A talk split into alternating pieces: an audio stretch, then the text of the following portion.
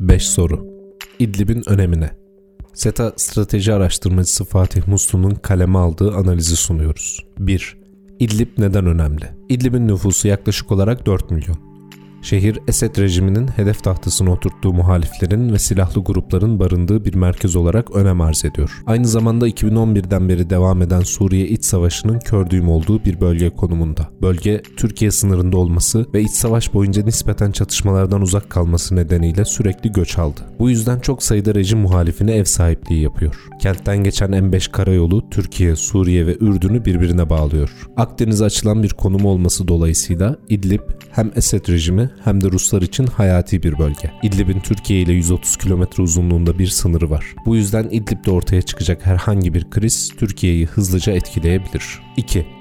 Türkiye neden İdlib'de? İdlib meselesi Türkiye açısından en önemli gündem maddelerinin başında geliyor. Astana Anlaşması neticesinde Türkiye Ekim 2017'de bölgede oluşan fiili durumu gözlemlemek için ateşkes gözlem noktaları kurmaya başladı. Bu tarihten itibaren Türkiye bölgede varlık göstermeye devam ediyor. Türkiye'nin İdlib meselesine bakışını belirleyen iki temel noktadan bahsetmek mümkün. Sayısı yüz binlerle ifade edilen yeni bir mülteci akını Türkiye'nin yüklenmek istemediği bir maliyet olarak duruyor. Hali hazırda sayıları 4 milyonu bulan Suriyeli sığınmacılar düşünüldüğünde yeni bir göç dalgası Türkiye açısından kabul edilebilir bir senaryo değil.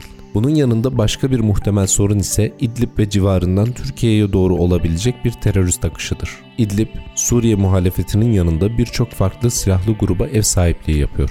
İdlib'in tamamen Rusya ve Esed rejimi kontrolüne girmesi bu bölgedeki silahlı grupların kuzeye yani Türkiye sınırına doğru ilerlemesine neden olacaktır. Türkiye'nin İdlib'deki varlığı açısından bu iki acil gerekçeye ek olarak daha stratejik bir gerekçeden de bahsedilebilir. Suriye iç savaşının geçirdiği süreç göz önüne alındığında İdlib Esed rejimi ve Rusya için son kale olarak görülmektedir. Sahada Türkiye'nin olmadığı bir ortamda İdlib'de kontrolün tamamen Rusların eline geçmesi durumunda Fırat Kalkanı, Zeytin Dalı ve Barış Pınarı harekatları ile elde edilen kazanımların tehlikeye girmesi söz konusu olabilir. Bu muhtemel senaryoların gerçekleşmemesi için Türkiye İdlib'de varlığını sürdürmektedir. 3.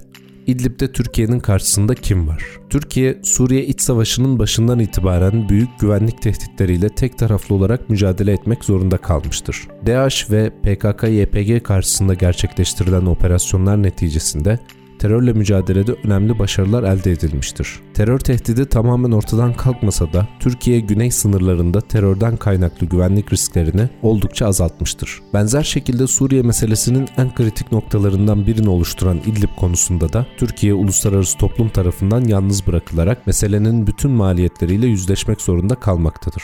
Türkiye Rusya'nın desteğini alan Esed rejimiyle mücadele etmektedir rejimin neden olduğu göç gibi uluslararası toplumu ilgilendiren bütün insani krizlerin maliyeti Türkiye üzerine yüklenmeye devam ediyor. Ancak şunu da açıkça dile getirmek gerek, rejim neredeyse bütünüyle Rusya kontrolünde olduğundan İdlib'de asıl mücadele edilen aktör Rusya'dır. 4. İdlib'de Türkiye'nin yanında kim var? Türkiye İdlib meselesinde başından itibaren diplomasi kanallarını açık tutarak uluslararası toplumun dahil olmasını beklemiştir. Fakat şu ana kadarki dönemde atılan adımlar karşılık bulmamıştır. Türkiye İdlib'de ortaya çıkabilecek insani krizlerin ve güvenlik tehditlerinin önüne geçebilmek için Rusya ve İran'la Astana sürecini başlatarak meselenin çözümü adına inisiyatif kullanmıştır. Astana süreci Suriye sorunu açısından uluslararası manada işleyen tek mekanizma konumundadır. Fakat bütün bu çabalara rağmen Türkiye İdlib meselesinde yalnız kalmıştır. Başta ABD ve Avrupa ülkeleri olmak üzere Türkiye'nin endişeleri uluslararası kamuoyunda karşılık görmemiştir. Türkiye'nin özellikle NATO nezdindeki girişimlerinin ne tür sonuçlar getireceği oldukça önemlidir. Türkiye bir NATO ülkesidir ve mesele öyle ya da böyle stratejik olarak NATO'yu da ilgilendirmektedir. 5. Türkiye İdlib'de bundan sonra ne yapacak?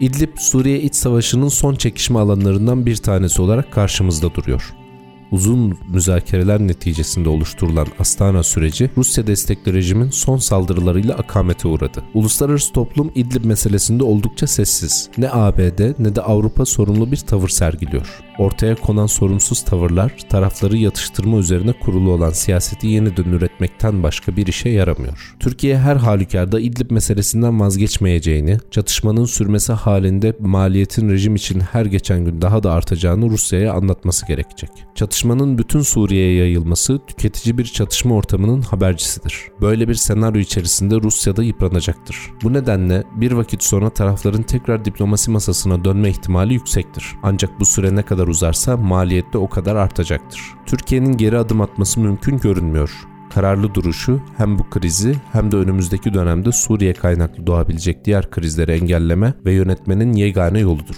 Diplomasi kanalı açık tutulabilir ama sahadaki faaliyetler Rusya'nın barışçıl bir çözüme ikna edilmesi için kaçınılmaz görünüyor.